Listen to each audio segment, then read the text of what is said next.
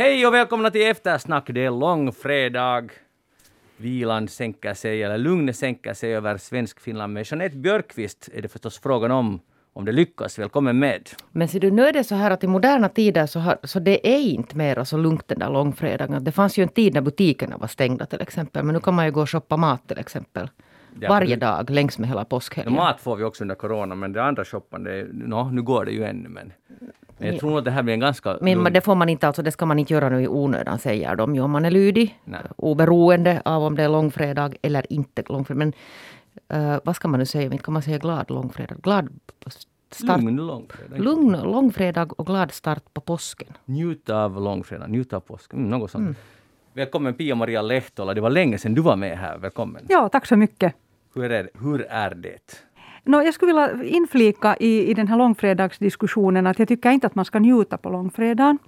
Jag tycker att man ska lida. Jag, jag, jag, jag tycker att lidande är bra för människan. Vi ska ha medkänsla. Vi ska inte ha... Det talas så mycket nu för tiden om det här att, att man ska inte vara för empatisk. Man ska inte ta över den andra människans lidande på sig själv. Men man ska ha compassion, alltså medkänsla. Och på fredagen tycker jag att då ska man nog ha medkänsla med, med påskens budskap, som ju, som ju är Kristi lidande på korset. Men vet du vad? Du, jag vill inte alls avbryta, men jag tänkte att jag skulle säga vem jag, vem jag är och sen går vi tillbaka till det här. Så jag var så inspirerad när jag inte har varit här på länge. Jag förstår och jag uppskattar det. Jag vet att lyssnarna också uppskattar det. Men jag heter nu Magnus Lundén och vi har tekniker idag, Anne Heikkilä, och det är alltså långfredag. Och vi är inte i direktsändning för att vi ska kunna lida på varsitt håll. Så Pia-Maria, jag tänkte faktiskt börja med att fråga, vad, vad är då långfredag för dig? Och du var redan inne på det. Eh, det är lidande. Det är lidande och det är stillhet, tystnad. Jag brukar säga åt, åt mina redan vuxna barn ännu också att nu lyssnar vi inte på musik. Vi lyssnar bara på, på sakral musik, inte rock eller pop eller elektronisk musik. Um, sen tycker jag att uh, till min långfredag hade hört redan ungefär i 25 års tid att då tillverkar jag pashan som ju är för mig en helig tradition. Det är Maria Alfredovnas pascha nu för tiden som jag då gör. En vit enkel med, med, med eh, vaniljsocker. Och det är en ritual jag brukar, brukar sen faktiskt föra på, på lördag eller söndag till, till mina gudmödrar av den här paschan. Så att jag, jag, för mig är långfredagen årets mest lugna, tysta och jag skulle inte säga svarta dag, men nog, alltså jag, jag, jag älskar allvar. Och jag tycker att vår tid försöker alltid ta bort det där allvarliga och det där liksom lugna och kontemplativa. Så jag tycker att det är härligt att det finns en dag i året när man kan känna så här. Men jag sympatiserar också med unga människor som lider på långfredagen. Jag tyckte det var jättejobbigt på långfredagen när jag var ung. Och jag har talat med mina, mina vänner om det också. Att de, de kunde liksom tycka att det är jättejobbigt med långfredagen. Att den, den tar upp också sådana svåra saker i, i oss som vi inte skulle vilja se. Men nu när du säger att det inte blir någon musik på långfredagen så stämmer det faktiskt. Alltså sakralmusik? Det kan jag, jag, lyssna jag, på. Ingen, det blir ingen popmusik? Nej, jag brukar säga åt barnen, eller de är ju vuxna, men jag brukar säga åt dem att, att nu skulle ni kunna hedra den här långfredagen. Och, och, kan, du förklara, mm. kan du förklara hur, till ett barn, du har ju mera unga barn, men en, en tonåring. Du säger att, att idag, idag blir det nu ingen popmusik. Så hur kan du motivera det? När du, eller hur gjorde du? No, alltså, de, de lydde mig nog. Ja, men hur? hur? Jag förstår att man kan tvingas till lydnad. Jag, sa, jag sa bara att, att kan ni respektera att för mig är det väldigt viktigt det här att, att det, är en, det är en stilla dag och, och, vi kan liksom fundera på, på livet och, och påskens budskap. Och jag måste säga att ofta när man förklarar för unga barn någonting och att man själv att det är en känslosak och en viktig sak för en själv, så då respekterar de det. Jo, jag, bara, jag bara tycker att den, där, den, den, den förklaringen du just gav inte riktigt håller, för du sa att det var viktigt för dig. Det borde vara viktigt för dem också att förklara vad det är. Vad är, det, vad är långfredag? Varför är det en sån dag som vi eller som i alla fall i er familj. Jag, menar, jag tycker inte det håller som förklaring, men du sa säkert mycket mer än vad du just sa. No, jag, jag tror igen, där är jag av annan åsikt. Jag tror på exemplets makt. Du kan aldrig tvinga eller liksom sätta på dina barn dina egna traditioner, men du kan lära dem att respektera andra människor. Mm. Så därför vill jag att de, de får göra precis hur de själva vill i sina egna hem. Men de måste respektera då när, när, när eh, det finns en person till exempel som upplever och känner så här. Speciellt om mor säger, så då, jag förstår det. Eh, Jeanette, särskilt om mor säger. Ja, ja. Hur är det när mor säger i er familj, att, eller säger mor alls något om långfredagen? Nej, vet du, mor har nog tyvärr nu kanske inte sagt så hemskt mycket om långfredagen. Men om, om, om, låt oss säga att du, det skulle, som en bisarr slump skulle Jeanette och Pia-Maria fira långfredagen tillsammans i Pia-Marias sköna Hangöhem. Jag tror inte att jag ska gå dit och krascha nu hennes det Nej, men om du nu... Det skulle, Oj, nej, du, du kan ju leka med nu för det här är eftersnack. Ni skulle hamna där, vi, vi tre skulle hamna där i samma... Ja, men nu har du inte sagt någonting om din egen långfredag. Nej men därför att jag tänkte nu först ställa den här Nej, is inte nu för att nu bollar jag tillbaka den här att vad betyder långfredagen för dig? För nu har här liksom alla andra suttit och sagt någonting. Det där var jättefräckt. Och jag skulle vilja fightas dig, men jag tänker att nu vara snäll för det är långfredagen. Det där...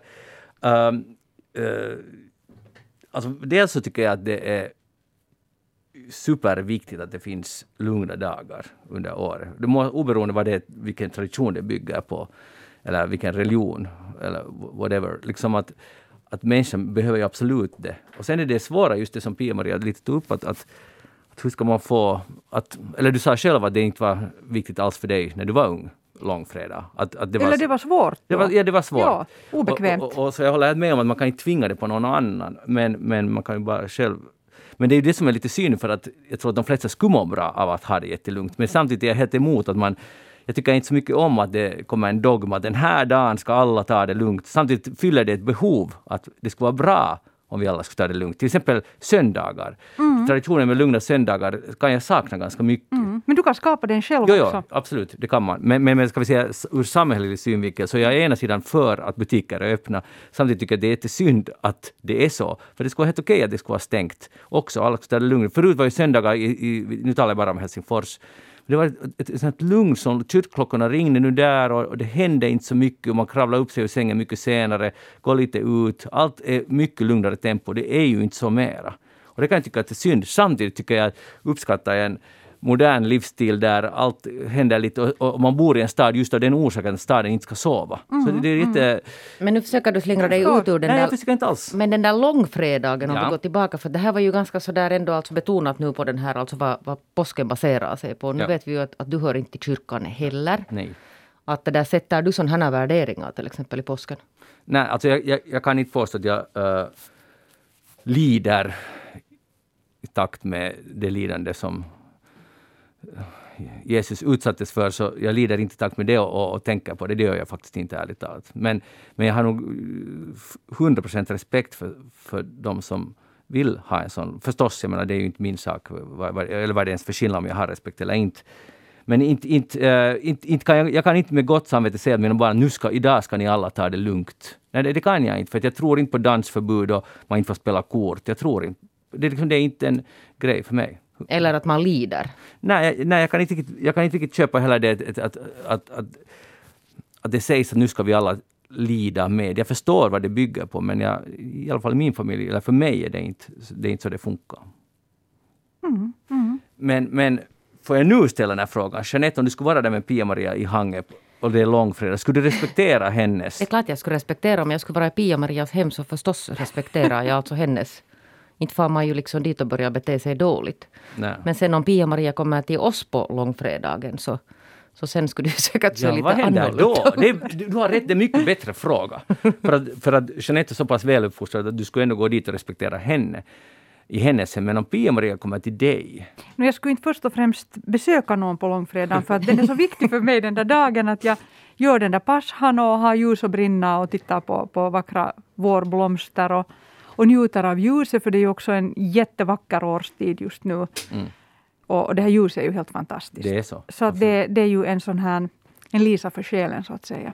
Men, men uh, skulle det, det skulle bli lite obekvämt, eller hur, om Jeanette och jag skulle plinga på dörren hos dig på långfredag klockan fyra. Nu, jag skulle kunna göra ett undantag och ta fram en flaska champagne.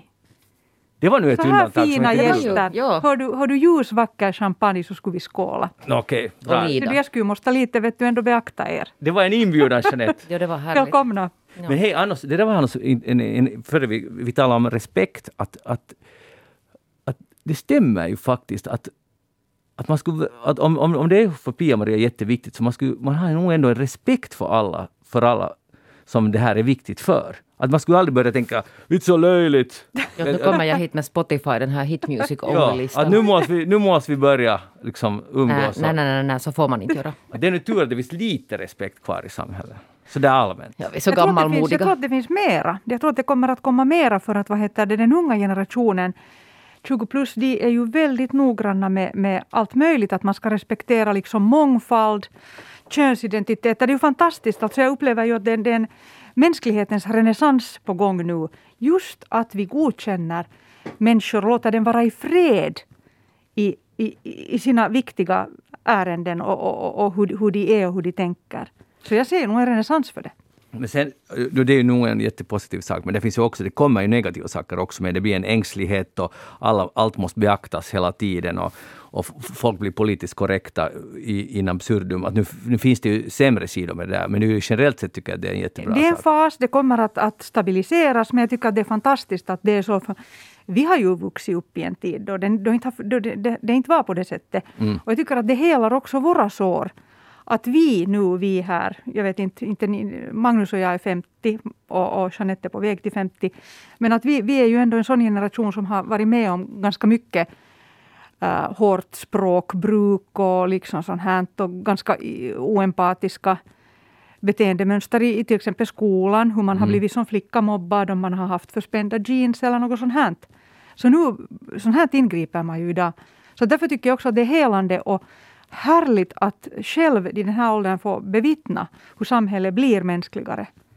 Vi, måste, vi också måste glädjas över det. Absolut. Jo, det stämmer nog. Jag håller, helt- eller jag håller helt med dig. Det där. Eh, På många sätt är samhället nog faktiskt mycket bättre än, än när vi växte upp. Och vi hoppas den här utvecklingen fortsätter. Hej, Suezkanalen är nu fri!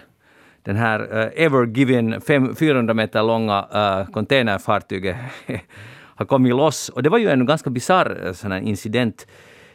Men samtidigt har det här lyft upp det som vi är ganska okänt. Till exempel det här att det fraktas alltså boskap, levande boskap på de här fartygen. Som jag, jag har nog någon gång hört om det, men jag tycker ändå att jag läser ganska mycket vad som händer ute i världen. Och den här saken har jag nog inte riktigt full koll på. Och, och det, det, det finns säkert fartyg som sköter bra om sitt boskap som är där och det finns sådana som kanske inte sköter det så bra. Men har ni, känt- har ni känt till att det funkar så här? Nej, inte. Det där, jo, men kanske inte alltså riktigt så där tagit till mig de här eh, kvantiteterna på det här. Mm. Och det när du säger, det är ju alltså det där nu, var det månne nu så att det var den här gången som det var spanska och rumänska fartyg med alltså levande boskap som var fast där, eller är det månne de som alltså så där överlag står för den merparten av de här levande djurtransporterna. Men Rumänien är ju inte eh, känd för att det där annars heller uh, sköta sådana här djurtransporter så hemskt bra. Är det så? Så är det. Det är EU-landet Rumänien. Mm. Som, Rumänien har mycket annat också. De har lite problem med sina minoriteter till exempel. Men Jättemycket. det är jättespännande. Det är det att man, fast man hör till EU så, så kan man ändå lite åka solo i sådana här frågor. Att, att, det- att det går liksom för sig och det händer ingenting. Men, men Okej, men sen en annan sak som, som, det som jag tror att det kommer att bli mycket mer snack efteråt, eh, nu om, om till exempel plejkan som någon beställer blir försenad. För nu, nu sägs det att nu blir det, liksom en, det har varit som blir en flaskhals och fast det, kanalen nu är fri så för att lasta av i Rotterdam eller någonstans så kommer det ta tid för att det kommer bli som rusning i hamnarna i Europa. Och jag menar, igen visar det här hur, alltså hur komplex vår värld är.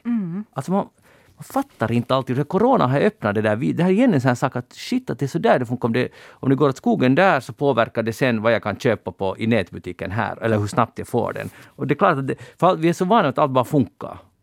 Och nu, mm, kanske inte. Ja, och sen alltså det är också hur sårbara systemen Ja. fortfarande är. Ja, ja precis. Så, så det är ju nog liksom ganska intressant. Och det här hur, hur vi har svårt att vänta på saker, tålamod. No, verkligen. Det, ja. det är liksom dagens människa. Det skulle ju komma liksom om du beställer en klänning från Danmark så ska den komma på två dagar. Om den kommer efter fyra dagar så känns det redan att nu var det något fel. Ja. Och, och mycket där handlar ju om, jag vet, kommer inte ihåg om jag har talat om det eftersom, jag läste en artikel för någon månad sedan om containers. Alltså det heter att de är på fel ställen nu, för de har fraktats typ till USA, sen har de blivit i Mexiko eller vad det nu är i Afrika, det spelar inte så stor roll för den här grejen.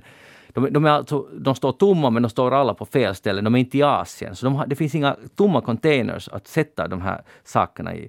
Och de febrilt tillverkar mera containers men det finns ingen chans att hinna ikapp. Och de får inte heller de där tomma containers till Asien tillbaka av någon orsak. Jag kommer inte ihåg vad det var men, men det är liksom total kollaps i, i, i transportväsendet i hela världen.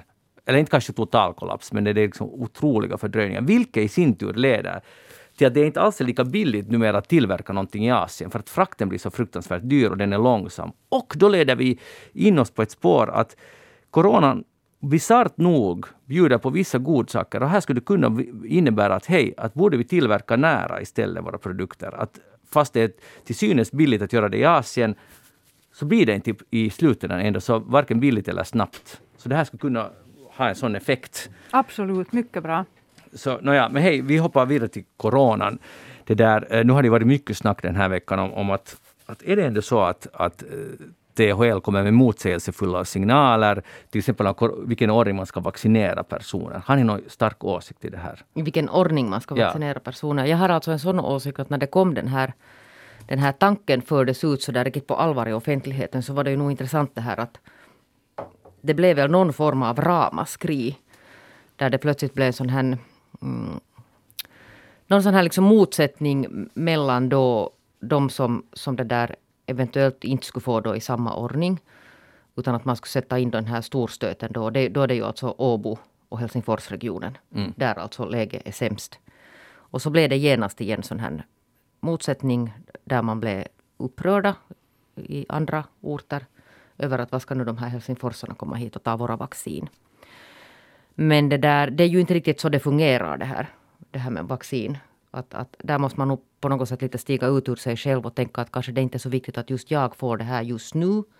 Utan att vi stoppar den här smittan där den alltså är som värst. Lite samma som att de här rika industriländerna håller på och strider om det här när vi egentligen också borde sätta in ganska mycket energi på att få fattiga äh, länder som inte har så mycket ja, tillgång till så mycket vaccin. För att inte, inte hjälper det annars, de här ja. vaccinen. Nej, och, och det är intressant att det här argumentet som dyker upp nu, jag tycker det är lite lite obehagligt, för nu, det här är bara ett till symptom på hur stress, coronastressade vi alla är. Att nu är det så här att, ja, att om inte de har skött sig där i Helsingfors, så varför ska de belönas med att få vaccinet först?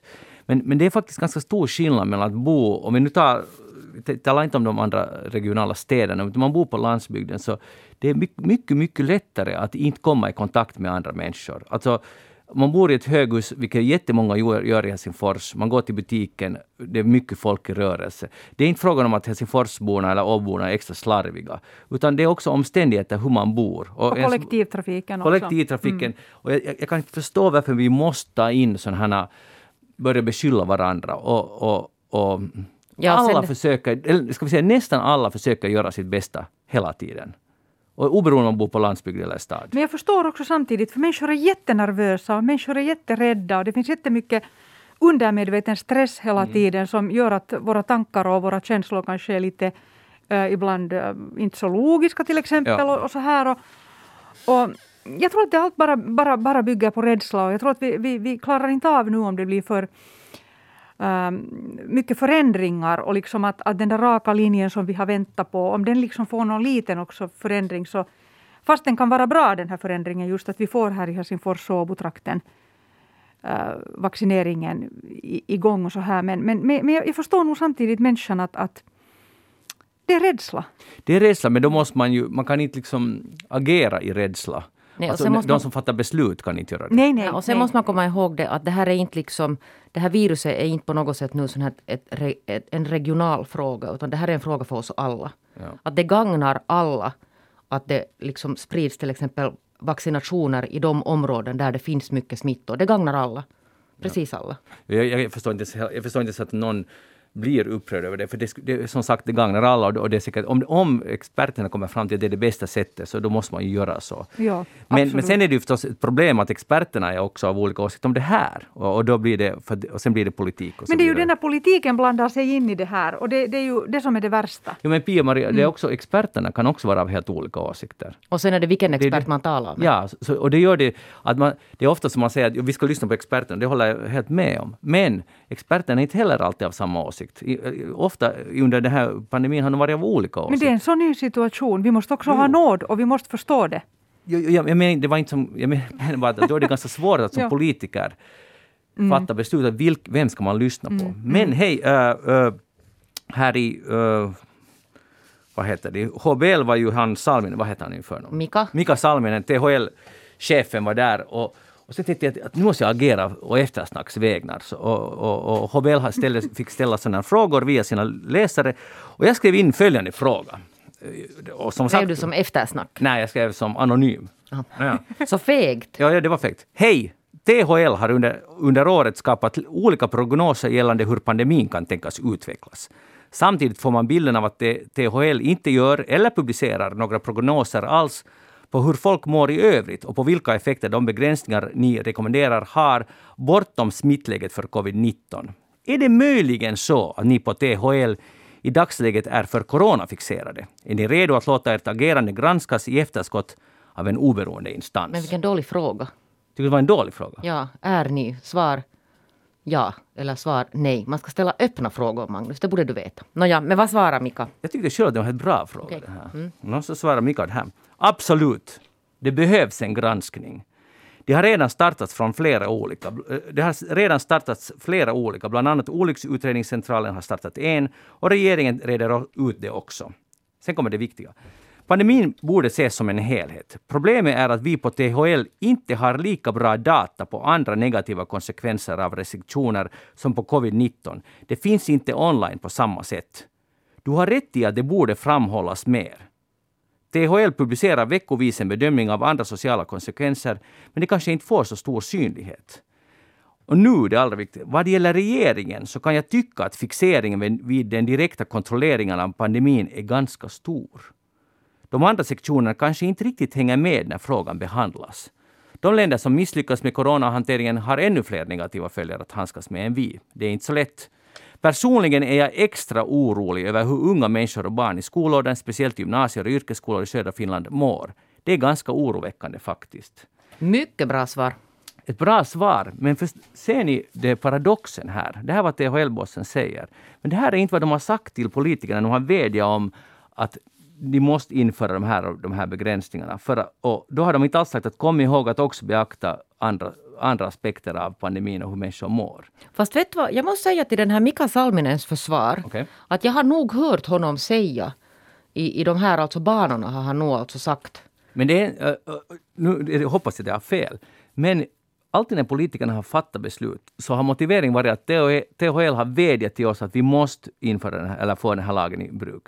Och då har de inte sagt den här saken. Vi talade ju själv förra veckan om, om den där 79-sidiga utredningen där på en sida står 95. Om, 95. Där det på en sida står om de negativa konsekvenserna, men det står ingenting annat. Och det är det som slår igenom sen. I alla fall har politikerna använt THL som en sorts sköld.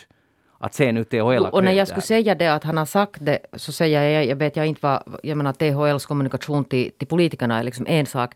Men det har, här har alltså kommit fram i intervjuer. Ja. Alltså i andra sammanhang i alla fall. just, jag skulle egentligen önska att han inte skulle svara på eftersnacksfråga slash HBLs fråga. Utan han skulle säga det här samma sak. Och THL skulle säga det här till, jo, till politikerna. Men det där var ju helt intressant vad han sa att de alltså varje vecka publicerar någon sån här sociala konsekvensbedömningar. Jag har inte sett någonting Nej, inte heller. Och så det är bara vi som är blinda. Ja, så nu blir jag genast så att det där vill jag ju gå alltså och läsa någonstans. Att var finns de? Mm, det är intressant, jag är inte personligen, för mig är det här inte en, en viktig sak. Jag, jag, tycker inte att vi kan utlokalisera till myndigheterna den här biten, utan där skulle jag säga att alla chefer, alla som är hierarkiskt högre, ehm, alla eh, till exempel föräldrar, vi har ansvar som individer och människor att ta hand om de som är svagare. Och de, till exempel våra egna barn ska vi mm, verkligen hålla på gott humör och förklara för dem att, att hej, så här är det och var inte orolig. Att inte kan vi heller utlokalisera liksom att THL ska bli någon sorts sån här liksom, eh, he, helig påve som, som delar ut liksom åt oss hela tiden någon, någon sorts liksom tröst. Att jag, jag, jag, kräver inte det av det, utan jag tycker att det är var och en av oss som kan hjälpa. Jo, fast nu tror jag att vi talar lite om andra saker, för att jag talar alltså om helt sån här, alltså, vet du, på forskning, eller i alla fall någon, någon slags liksom sån här kvantitativa bedömningar av saker, alltså som inte handlar om sån här tröst liksom, och person och liksom stöd i vardagen, utan helt alltså sån här att till exempel hur mår uh, marginaliserade ungdomar som inte har till exempel någon vuxen som kan bära upp men där, men där är det just, just um, hierarkiskt de som är högre lärare och chefer, alla de här liksom, de borde få stöd att kunna hjälpa de här, alltså att det går på makronivån. Jo, men nu är det ju alltså det att det där eftersom det tas politiska beslut till exempel, om vi nu talar det här att man ska börja begränsa folks rörelsefrihet. Och så baserar det sig alltså på något THL, alltså tanke om att ja, det här är bra, eller liksom överhuvudtaget alltså medicinsk expertis. Så det är ju politikerna som tar de här besluten, alltså om helt sådana här restriktioner och hur man liksom agerar helt alltså på, på den nivån. Så där hjälper det inte att lärare får stöd, utan det handlar alltså om mycket högre mm. upp. Att ska vi till exempel, vad har alltså det för konsekvenser mm. om vi ytterligare alltså mm. alltså begränsar människors rörelsefrihet? Mm. Där är vi så olika, för jag, jag, upplever igen det här att, att eh, om, om det är tryggare för oss så fast det är tråkigt så det är ändå det är bättre. Men det är den där att tryggare för vem och liksom med vilka konsekvenser till exempel. För jag tror att alla håller Pia-Maria med om att det för att stävja covid-19 är det bättre, vi skulle kunna ha total lockdown. Alla, ni måste alla hålla er inomhus nu i en månad. Det är klart, det, då har vi ingen smitta. Väldigt lite mm. i alla fall. Men samhället funkar inte så och människan funkar inte så. Att det finns liksom en, det finns en gräns där man måste... Det här, det här är ju diskussionen har pågått hela året. Att va, va, när börjar de negativa uh, konsekvenserna som är oavsedda över, liksom vinna över de där positiva av det att alla hålls inomhus? Ja, att, alltså att smittan slutar sprida ja. sig, men på bekostnad av vad? Ja, men det är en jättesvår balansgång. Ja, men hur har ni personligen själv lidit? Jag har inte alls lidit. Det är det, mm. Jag kan inte påstå att jag har lidit. Det skulle vara löjligt att säga att jag har lidit. Inte har jag lidit. Mm. Uh, men jag har, ska vi säga så att det låter också löjligt men jag har lidit med, så att säga, med samhället och många individer som jag ser och vet att mår jättedåligt. Och det är nu det jag tänker på. Inte, har jag, inte går det någon nöd på de flesta mm. medelklassfamiljer mm. som har vänskaps och familjeband. Mm. Det är helt okej, okay. nu klarar man det. det finns Netflix och man kan gå och jogga och, och sådana här saker. Och surfa med sitt fungerande bredband. Ja. Alltså jag tycker fortfarande bara att vi i Finland har kommit lätt undan. Jag tycker det är hemskt det här förstås att kulturarbetarna sångare och musiker inte, inte får jobba och, och det här med konserter och teatrar och sånt här. Det är helt hemskt och sorgligt för att kultur är jätteviktigt för själen också.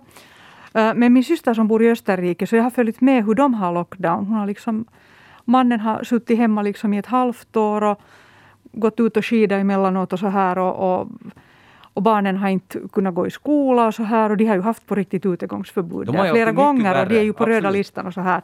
Men, så att på det sättet, så när jag har följt med det så tycker jag att vi i Finland liksom egentligen det är piece of cake. Det här. Jag förstår. Och, och, och, nu håller jag med. Nu har vi, vi har ju haft bättre läge, smittoläge och vi har också haft bättre så att säga, lättare restriktioner. Men det kanske är just det som leder till, till den diskussionen. Att fortfarande har, nu har det ju gått neråt de facto. Det talas ganska lite om det, eller lite har det varit uppe i nyheten. Men både på en veckas och två, två veckors perspektiv så har det sakta börjat kurva neråt. Alltså har de här restriktionerna haft effekt. Alltså har, har det visat sig att medborgarna har betett sig exemplariskt kan man väl nästan säga. Det har faktiskt vänt. Sen får vi se om det håller. Jag hoppas verkligen det skulle hålla. Men, men jag tycker att om, om kurvan går neråt så tycker jag inte man kan införa begränsningar av rörelsefriheten. Mm. Man ska ju inte spå så här, men jag, jag undrar bara, att, vad tänker ni? Tror ni, tror ni att man kommer att kunna ha utomhuskonserter i augusti? Jag skulle verkligen hoppas. Det skulle, det skulle så behövas. Jag tror att alla, där är ju alla ense. Det skulle så behövas en positiv sommar med livsglädje, folk kan träffas. Ja, och jag tänker för företagarna också, alltså någon sån här att det finns någonstans för att, för att det är ett antal företagare som är helt förtvivlade alltså nu. Alltså helt på riktigt. Att där är liksom där kan vara ett livsverk på spel. Mm, mm. Mm. Och det som är fruktansvärt faktiskt, det här måste jag ta upp här ännu.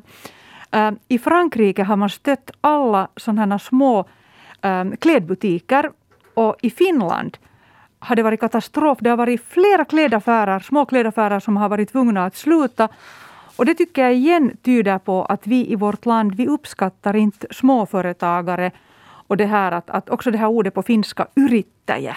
Mm. Att man är liksom en, man försöker så hårt. Det, det, det är vansinnigt. Att det, här, det här har jag följt med via en, en bekant finsk kvinna som är modeskapare i Paris. Och hon berättar bara hur hon har fått jättefint stöd i Frankrike. Medan i Finland en procent har fått stöd. Ja, no, alltså om ta, på tal om att lida, så alla företag som lider inom verksamheten, själv har jag ett företag som också är helt i knipa tack vare det här, eller på grund av corona. Och, och man talar med företagare varje dag som är helt förtvivlade. Och när du talar just om livsverk, det är ju så som det är och, och jag håller med om Pia-Maria. Alltså det är jättesynd om kulturarbetare, alla lider. Och det är just att, vem, vem är det mera synd om? Jag orkar inte med någon sån tävling, men jag menar, det är väldigt många som, som har det väldigt tufft. Och som projekt, när jag menar just livsprojekt, eller som, ett, som ett företag. Ett företag med tre eller fyra anställda, det låter som ingenting, men för en enskild människa är det liksom hela livet.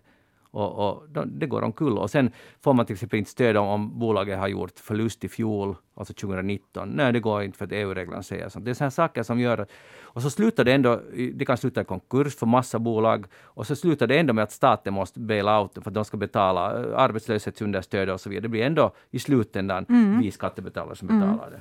Ja, sen jag tänkte därför att man är alltså ganska fokuserad nu på den här konkurs och säger att, att i princip har det inte ökat alltså så mycket. Att man är på något sätt inte oroad över den här konkursvågen. Mm. Och då tänker jag bara att skulle jag vara företagare, vilket jag alltså inte är, men om jag skulle vara så jag skulle nog säkert sätta li, nästan alltså livet till för att hålla alltså det här i liv.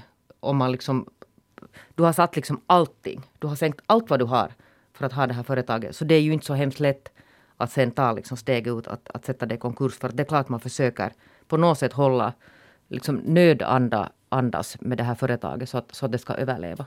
Alla de här som driver krogar eller, eller har ett litet företag, de, de flesta de är kämpare. De, inte ger man upp, men, men de har det förbannat tufft. Men det var alltså någon frisör som var intervjuad för, för inte så länge sedan, talade om det här förra veckan, som var intervjuad i, i den här Halv Nians nyheter som sa att hon har jobbat nu alltså ett år ensam. Det var alltså hennes företag i någon sån här shoppingcenter där i stort sett alltså alla kunder försvann.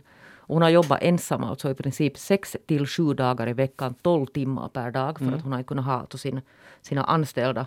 Och, och där är hon och hon sa att, att nu vet hon inte mera hur länge hon orkar. Mm. Att, att det är liksom sån här verklighet vi snackar om. Så är det.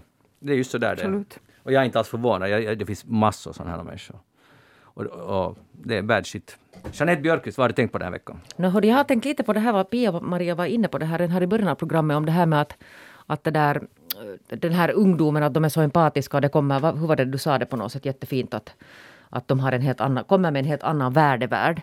Men det finns sådana som har mm, lite annan åsikt. Det har ju varit nu med de här ganska brutala uh, brutala våldet som alltså har förekommit bland unga.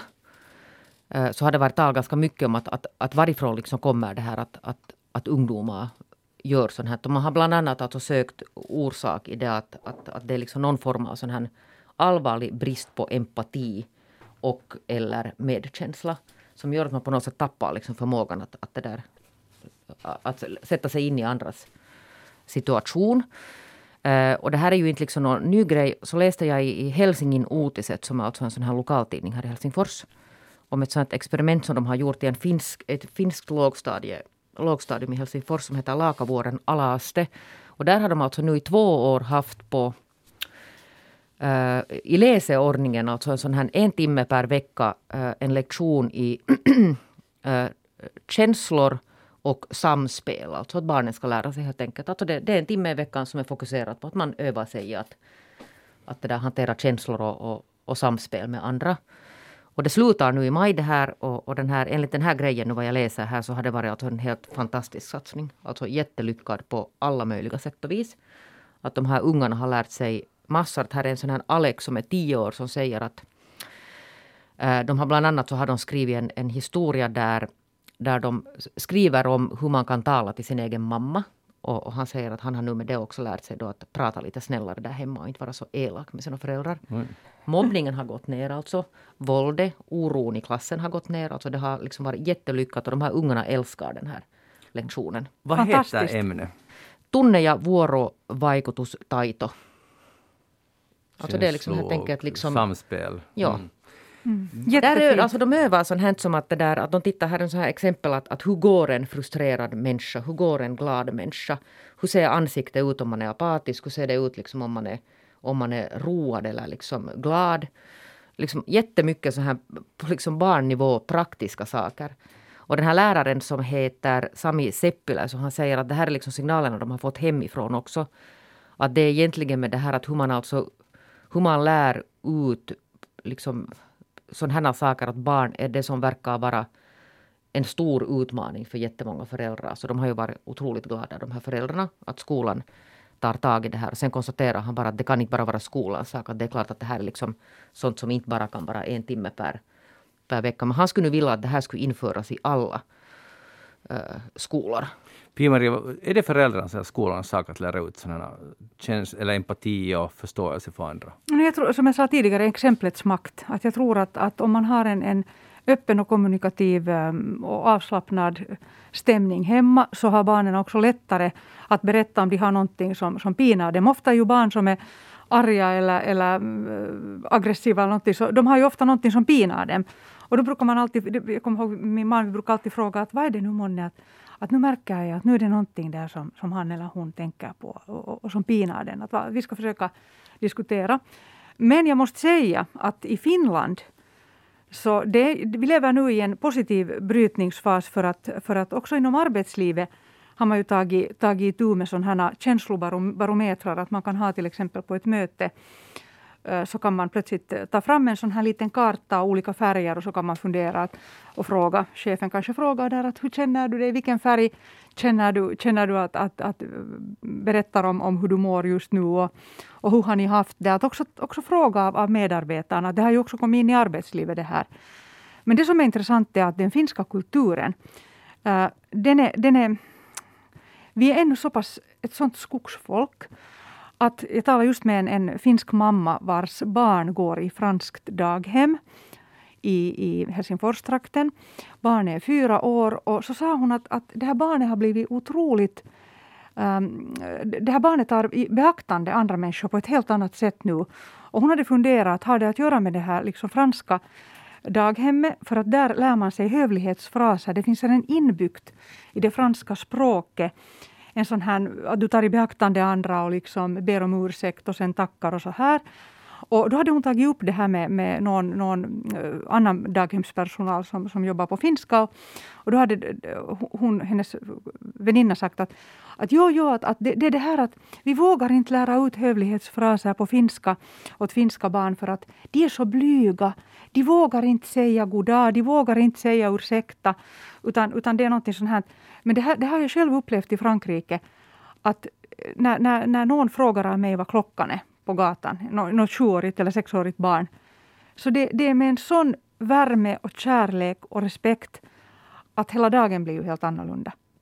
Så det här med att vara, vara hövlig och liksom våga våga vara liksom vänlig och be om ursäkt och, och, och ta andra i beaktande. Det, det, är en bristvara i vårt land. Men kanske det är så att det behövs då, om det är sånt här som man lär ut på den här lektionen? Ja, det, där, alltså det där är strålande. Alltså, jag blir ju genast glad när jag hörde om det här. Ja, att, det måste ju vara bra. Om, han, eller om, om de här resultaten är, om resultaten är sådana så måste det vara bra. Jag, jag blir lite ledsen bara att det är något sådant projekt att jag önskar verkligen nu att det liksom inte tar slut det här. Men det kommer, det kommer att stupa, det finns en plats i läroplanen och det är aj, aj, aj, hör du. Och, och, och, men så tänker jag, det som vi, du talade om Pia-Maria tidigare, att, att när, vi, när vi växte upp, om det skulle ha funnits så här läroämne, det skulle ha hånats till döds. Det skulle liksom, det skulle ha förstörts och saboterats, i alla fall i den skolan jag gick i, så skulle det inte, så här ämne skulle inte ha haft en chans överhuvudtaget, i alla fall bland killarna. Vi ska ha liksom blivit helt saboterat från början. Alltså du menar i lågstadiet? Ja, ja no, kanske inte nu på ettan och tvåan. Nej, nej, men så det är ju det där att, att det här är sånt här som, som man ska, man sätter ju inte in det här alltså det där plötsligt så där på, ni, på åttan? På åttan i, i högstadiet. Utan det är liksom något sånt som, som det, det, här behöver byggas alltså tidigare än så. Ja, okay. Det här kan ju också gå till överdrift. Alltså min, min kusin bor i Stockholm och under de här Teams-samtalen nu under, under pandemitiden så, så har hon ibland klagat med att det blir jättetungt i Sverige när varje dag ska man berätta hur man känner det. Mm. Att inte det är ju heller liksom, det får ju inte gå sen till överdrift. Nej, nej. och det är, lätt, det är ju lätt hänt, pendeln svänger av och an. Men när du talar om Frankrike, så har ni sett en tv-serie, jag tror det är på Netflix, som heter uh, Ring min agent? Nej. Okay. Helt kort, det handlar om, om en äh, agentur som jobbar med skådespelare. Okay? Och, och det, är en, det är en fantastiskt fin serie, jag älskar den. Men det där, och det är inte ofta jag älskar tv-serier. Men det som jag blev när jag såg den här, jag måste flytta till Frankrike. Nå nu, ja. det, jag har ju sagt det i flera år här. Ja, du har sagt det, det är du, du, är, du är som en profet. Det Lyon kallar. Lyon kallar verkligen, för att i den här ja. serien, de är, de, första, de är stiliga, men de kan gräla och sen de, de skriker åt varandra och det är så mycket känslor och sen är det så här bara okej, okay, så, är det, så är det allt ur världen och alla ändå vänder. Jo, och, och Men, som jag har sagt tidigare, fransmännen är både intellektuella, ja. revolutionerande ja. och väldigt sensitiva. Exakt allt det där! Allt det där, det är det bästa. Ja, och jag var helt, alltså jag förstod ju inte så hemskt mycket, så tur att det fanns Ja. textning där, men jag blev helt, alltså jag blev faktiskt, jag blev helt, varför bor jag i det här landet? Nå vet du just Där man det. inte får liksom, man får inte liksom flippa ut. Men du har dina franska rötter. Men alltså det där, får jag nog avbryta det här ditt sidospår? Jag vill bara sammanfatta nu den här Okej, grejen. Ursäkta. Du, Ja. För du frågar Pia-Maria att är det skolans eller hemmets sak att lära ut sådana saker. Och, och svaret är ju förstås att det är hemmets primärt. Mm. Och, och sen alltså kan skolan hjälpa och stödja där. Till exempel då om det är så här katastrof så, så kan man alltså införa ett läroämne. Men det kräver alltså det att man tar bort de där ungarna från skärmarna. Och nu vet jag att jag låter som någon sån här 1800-talsfödd och det, och det kanske är så. Men nej, du är inte född på 1800-talet? Nej, det är jag inte, men nästan kanske. Så där är min tanke. Men det, där, det är nu bara så att man måste umgås med de här barnen. De lär inte sig. Alltså man måste titta dem i ögonen, man måste se dem. Man måste göra saker med dem. Man kan inte alltså utlokalisera den här samvaron till, till skärmar där man kanske så där sen till kvällsmålet kommer ihåg att det där prata med varandra. Det funkar inte så. Och kom ihåg Tack. att, att lära era barn att alltid när de möter en släkting eller en bekant eller en ny människa, titta i ögonen och säga hej. För det, det här finns inte idag. Och Nej. svara på frågor. Lär barnen att Ja, svara. Att ja. fråga någon hur går det, så ger man ett svar. Just det. Och man gömmer inte sig alltså bakom någon blyghet, utan då lär Ja. man barnen att det, där, det finns vissa saker som man helt enkelt måste lära Ja, sig. och sen är det ofta det att föräldrar är idag så trötta och lata att de orkar inte sätta de där gränserna. Och faktiskt, min man berättade just i förrgår, han, han berömde sin arbetskamrat som har så noggranna gränser att barnen får vara just en viss tid bara på sin pek, pekplatta och sen att de måste också äm, använda sig av sån här utbildande verksamhet och inte bara spel, utan de måste också alltid lära sig någonting via den här plattan. Och jag blir så glad när jag hör sånt här. Att Gränser är kärlek. Just det, det är just vad det är. Men, men sen, jag tycker det du sa var en bisats att man ska inte gömma sig bakom blyghet. Det är nog faktiskt så att vissa människor är blyga på riktigt. För du vet vad, och jag har kalla det vad man vill. Hördu, Men, jag vet det här. Jag har en sån hemma. Ja. Som jag håller på och jumpar de här sakerna ja. med. men bra. Men, jag, jag menar att, jag vet inte om man gömmer sig bakom, man kanske är blyg och man gömmer sig inte, utan man är blyg. men det där, då måste man, alltså, man måste jobba med sina utmaningar. Mm. Ja, jag skulle bara säga det är inte så där enkelt. Nej, det är jag. jag hör tycker egentligen tro mig är- Magnus, jag vet att det inte är så enkelt. Jag tror dig Jeanette, men, men det som jag menar, och en annan som jag tycker är ännu viktigare än att svara snällt på frågor, är att delta i en diskussion, ställ egna frågor, liksom vara med. Och det tycker jag själv att jag har svårt att eh, implementera hos mina barn. Och de är nu ganska gamla faktiskt i det här laget. Men, men jag inte har jag varit så... Det blir lätt hänt att det är bara de vuxna som prepplar på. Och man ser inte de andra. Och då blir det ju sådär vad kom före? Att de inte deltog i diskussionen eller man inte låter dem delta i diskussionen. Så det är också superviktigt att öva att, att prata, att diskutera saker och lyssna på varandra. Men också ibland hur eldfängt det kan vara. Jag har en sån tradition att jag varje söndag bjuder hem barnen på, på middag. Och, och ibland är jag helt så här att oj nej, att vad kommer det nu för samtalsämne här i matbordet? att det kan komma vad som helst och ofta nog ganska eh, kritiskt gällande liksom mina tankar eller min mans tankar. Så de här 21 och 26-åringarna har nog starka åsikter. Och, Det ska du vara stolt över. Jo, fast ibland kan jag säga att det är också tungt.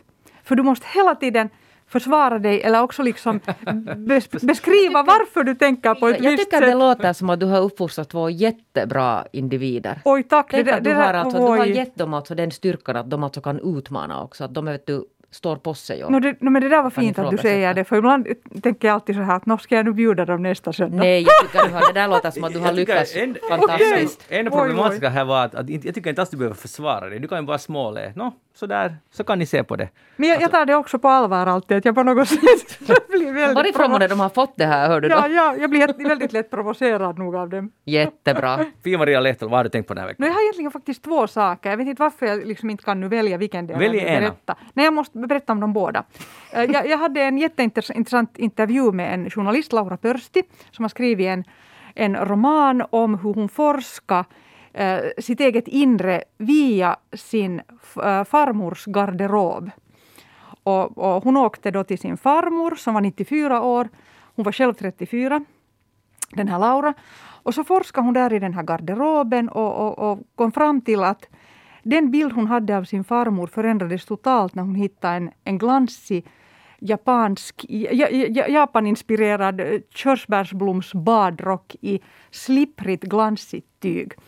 Och då sa hon att, att, att det här berättar så mycket om min farmor. Att egentligen hade jag alltid trott att hon var så här jordnära och hon var där ute på, på fältet med de här äh, grisarna och kossorna. Men hon var egentligen en drömmare och hon hade sett det här i en modetidning och hon hade velat skapa en liksom, känsla av att hon är på något sätt fri. Och det som kommer fram i den här fina romanen, där är också Paris med, den här Laura Pörsti har varit mycket i Frankrike, hon, hon beundrar den franska avslappnade skönheten där man kan ha otvättat hår och se jättefräsch ut. Så mm. skriver hon. Men, men det som kommer fram i den här boken är att eh, via kläder, via våra mormor, farmor, farfars kläder, Eh, kan vi komma i kontakt med, med eh, sådana så, så att säga, mjuka värden.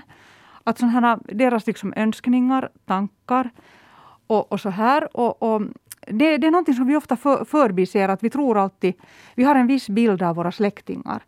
Men nu till exempel under påsken kan vi fundera lite, att är det, är det, har jag en rätt bild av, av, av min farmor eller mormor? Och jag funderar själv nu på det här just med, med garderoben, att min farmor, hon var karelare. Och hon hade till exempel panterklänningar och, och ganska sådana, mm, nästan lite Elizabeth Taylor-aktiga filmstjärneklänningar i sitt klädrum. Och jag funderar, börjar fundera nu på det, att vad var det hon drömde om och liksom, var hon en sån här så, så kallad eh, drottning från Saba? Att, var det hennes liksom alter ego? Men till sist vill jag ändå komma fram till det här att vi vet egentligen aldrig någonting om våra medmänniskor. Vi vet inte det där djupaste. Och därför nu, nu till påskens ära så skulle jag vilja ta upp det här att, och det här är igen baserat på en, en kolumn i Helsingin Sanomat för en vecka sedan, där en, en, en kvinnlig skribent skrev att i samhället finns det en femtedel högkänsliga personer. Och vi måste respektera att eh, lärare, sjukvårdspersonal, vi borde liksom förstå att man kan inte behandla alla människor på samma sätt och vara tuff och hård. Utan de här högkänsliga, det är en femtedel av, av, ehm, av vårt samhälle och population. Och, och de här människorna, för dem kan till exempel äh, ett hårt samtal eller en, en, ett, ett hårt agerande, de kan processa det i en månad. Och det här, det här liksom väckte mig också att, att, att vi borde skapa ett samhälle. Jag tror att de här 20 plus-människorna skapar ett samhälle just där man tar i beaktande. Och det kan vi tycka vi i vår ålder att oj nej, att nu pjossar de, att det herrejessen då. Men det är faktiskt sant att vi kan aldrig veta just, och här kommer jag tillbaka till kläderna och garderoben. Inte visste vi vad mormor var rädd för eller vad farmor gick och bar på eller liksom så här. Så mera liksom titta bakom. Vi, alla är inte så starka. Vi är inte så starka alltid. Mm. Jag bara funderar, alltså det är, det är många tankar men, men jag tänker på, på när man själv då blir förhoppningsvis någon dag farfar eller vad man nu kan bli om man är man, morfar och så vidare. Och så kommer någon och tittar i ens garderob. och, alltså jag vet inte vad de nu får för bild av mig utifrån det liksom. Och det är nog ganska sådär du har, jag vet, du, det är en sån evig ungdom som var på väg hela tiden någonstans. Ja, no, ja. men det, det, tror jag att, jag hoppas att det kan gå att utläsa ur mitt, inte bara ur kläderna. Alltså, vet jag, inte vet jag om jag döljer någonting i de där kläderna. I så fall är det liksom att man är tråkigare man, man liksom ger intryck av i så fall. Men kanske om du har någon ACDCs uh, t-shirt Det har jag, men den har jag säkert 30 år tillbaka. Det, det har jag, ja. men jag kommer att ha visat upp den. Och de kommer att vara, ja okej, okay, liksom, vet du, att, att, är du säker på att alla döljer? Alla döljer säkert någonting, det måste ju vara så, men att, är du säker på att det, eller är det bara är det en generationsfråga också, att förut så kunde man inte riktigt leva ut den man var. Den man var. Eller gäller det också oss? Att vi, eh, jag tycker det är lite sorgligt att om vi egentligen är någon annan. Jag tror att vi faktiskt, du har rätt i det här att det har skett en utveckling vi är friare nu och vi kan uttrycka oss själva på, på ett mer spontant sätt än tidigare. Mobbningen har försvunnit. Klasskillnaderna, no, jag vet inte, har de nu riktigt kanske försvunnit. Men i alla fall att nu, nu har man möjlighet att, att visuellt eh, förverkliga sig själv på ett helt annat sätt. Ja, det kan man väl säga att det där, vi nu i vår ålder klär oss annorlunda än våra föräldrar gjorde. För att där fanns också någon sån här förväntningar, eller man gick in alltså i en sån här vuxenroll på ett annat sätt. Och i den vuxenrollen ingick en massa alltså saker. Mm. Och det som till exempel i den här boken var, var häpnadsväckande var att när den här Laura Pörsti hittade från sin, sin farmors garderob eh, nej, det var faktiskt inte i garderoben utan i fotoalbumet. En bild av, av farmor från 1938. Hur hon skidar i en skiddräkt. Och det var farmoderns första byxor. Och de var väldigt viktiga för henne. Hon tänkte att ska hon våga använda byxor? Mm. Så tänk så, så kort tid det är. Uh, om, om vi tänker att vi använder byxor nästan varje dag, vi kvinnor. Jo, men ta en sån mm. sak som att, det där att man går på någon fin fest, man går på presidentens bal till exempel. Ja. Som kvinna iklädd byxor. Så det är nog inte hemskt gammalt det att man kan göra det. Nu kan man ju faktiskt göra det. Men nu var det ju länge sedan det fanns ett krav på att det ska vara långklädning på en kvinna. Det är sant. Mycket så här liksom. Det är sant. Men jag tror nästan att, att, att när, låt oss säga det om 30 år, när vi är i den där rollen. Så jag tror inte att det kommer att vara så mycket kläderna som kommer att vara överraskande. Det kommer att vara något annat som vi kanske nu tänker på våra innersta, vad vi vill och gör. För att, för att kläderna, det är så pass... Eller jag upplever att det börjar nog vara ganska fritt hur man kan klä sig idag. Förstår ni vad jag menar? Att, mm, att det kommer förstår. inte komma kanske några överraskningar där i garderoben mm. sen mer, utan det är något annat. Vad skulle det kunna vara? Jag kommer inte mm. på det. Men det var du har helt, helt rätt i Pia-Maria, att man ska aldrig anta att man vet allting om någon annan. Man ska Nä. aldrig, aldrig Nä. anta att man vet.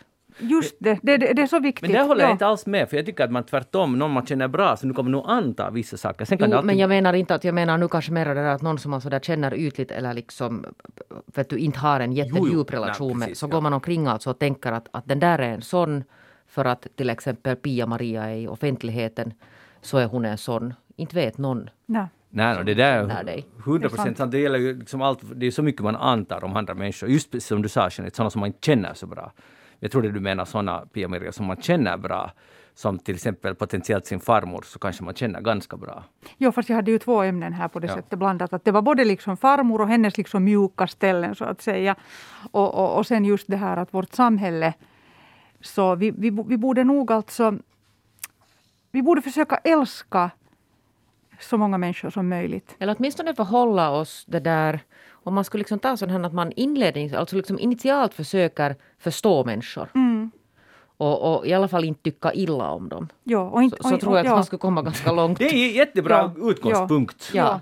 Att man men, men, det är första... tyvärr, ja, men det är tyvärr alltså, känns det inte alltid som att det är så. Men visst blir man liksom oftast man... positivt överraskad ändå. Man tänker att oj vilken härlig människa. Om man bara liksom tillåter, ja. man ser den i ögonen som ja. du sa. Sen alltså vill jag faktiskt att understryka det att, man, att alla är människor. Ja. Att vem ändå alltså sen på riktigt ja. alltså kommer på något sätt så där lite närmare kontakt med alla är människor. Det måste du komma ihåg. Ja, absolut. Stor, bra. Tack igen. Och sen det mänskliga är ju Jeanette det också. har kommit med ganska många ja. stora Jo, det är fint. Idag. Jättefint. Det är långfredagen. Ja, ja, ja. Men, det, men det är också viktigt att komma ihåg att, att vi, är, vi, är, vi är ju syndiga. Alltså nu tar jag ett sånt här Jag är inte syndig. Nej, Nej inte liksom, vi gå vidare. Vi, vi gör ju alla fel. Vi gör ju alla fel hela tiden. Nej, nej, det där stämmer inte alls. Aj, Magnus. Han skojar. Jag skojar. Jag skojar. Okay, okay. Vi är alla syndiga och det är bra. Det är det som gör att vara människa. Och det är nåden, ser du, sen som kommer och befriar. Så är det.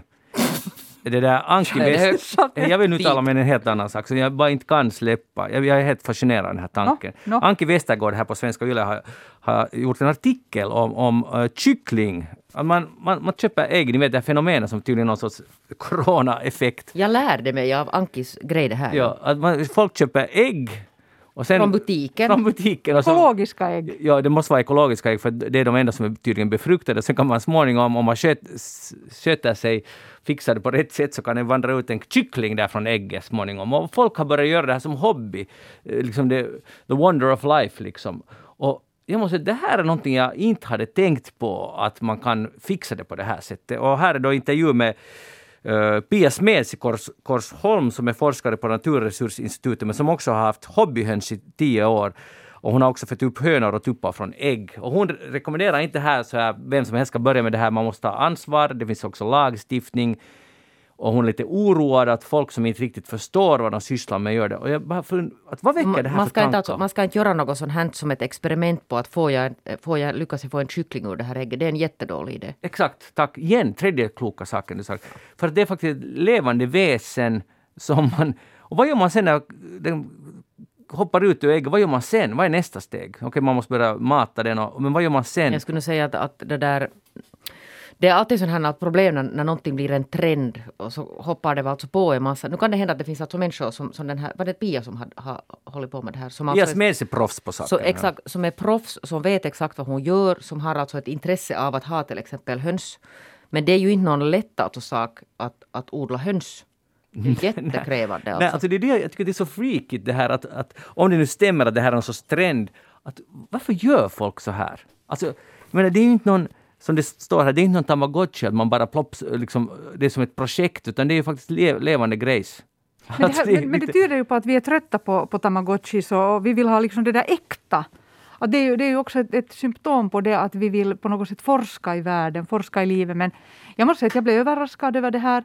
Um, sen skulle jag vilja veta att hur, alltså hur ska man värpa? Hur ska, vad ska man göra? Det finns sådana maskiner. ja, men jag tycker inte att vi ska nu alla gå in i det här. Jag tycker att här, de här tre i den här studion ska låta bli att, att det där testa det här. Absolut. Och det finns det där. Men alltså, ett coronasymptom har ju varit det också att, att det blev ju extrem efterfrågan på hundar och katter. Folk plötsligt de var hemma, de ville ha husdjur.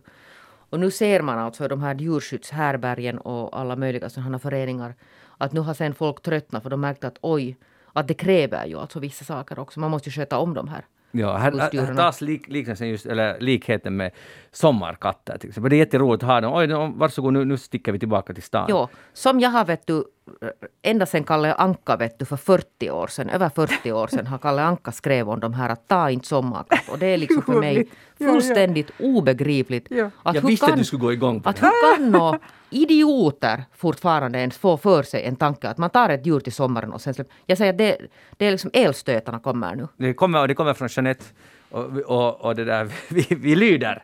Vi lyder. Och, och jag skulle tillägga att köp inte ekologiska ägg, alltså köp ekologiska ägg och gör en god omelett, men börja inte att Nej.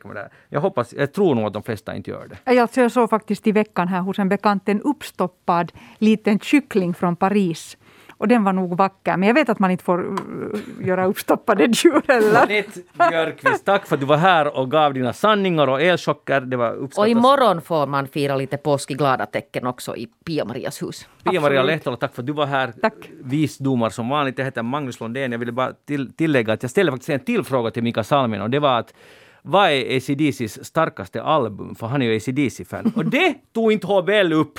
Och det här är, det här är liksom censur. Så här accepterar vi inte, jag måste få den frågan till honom på något sätt. Men tills dess, ha en skön långfredag, ha en skön påsk och vi hörs igen om en vecka. Ha det så jättebra tills dess.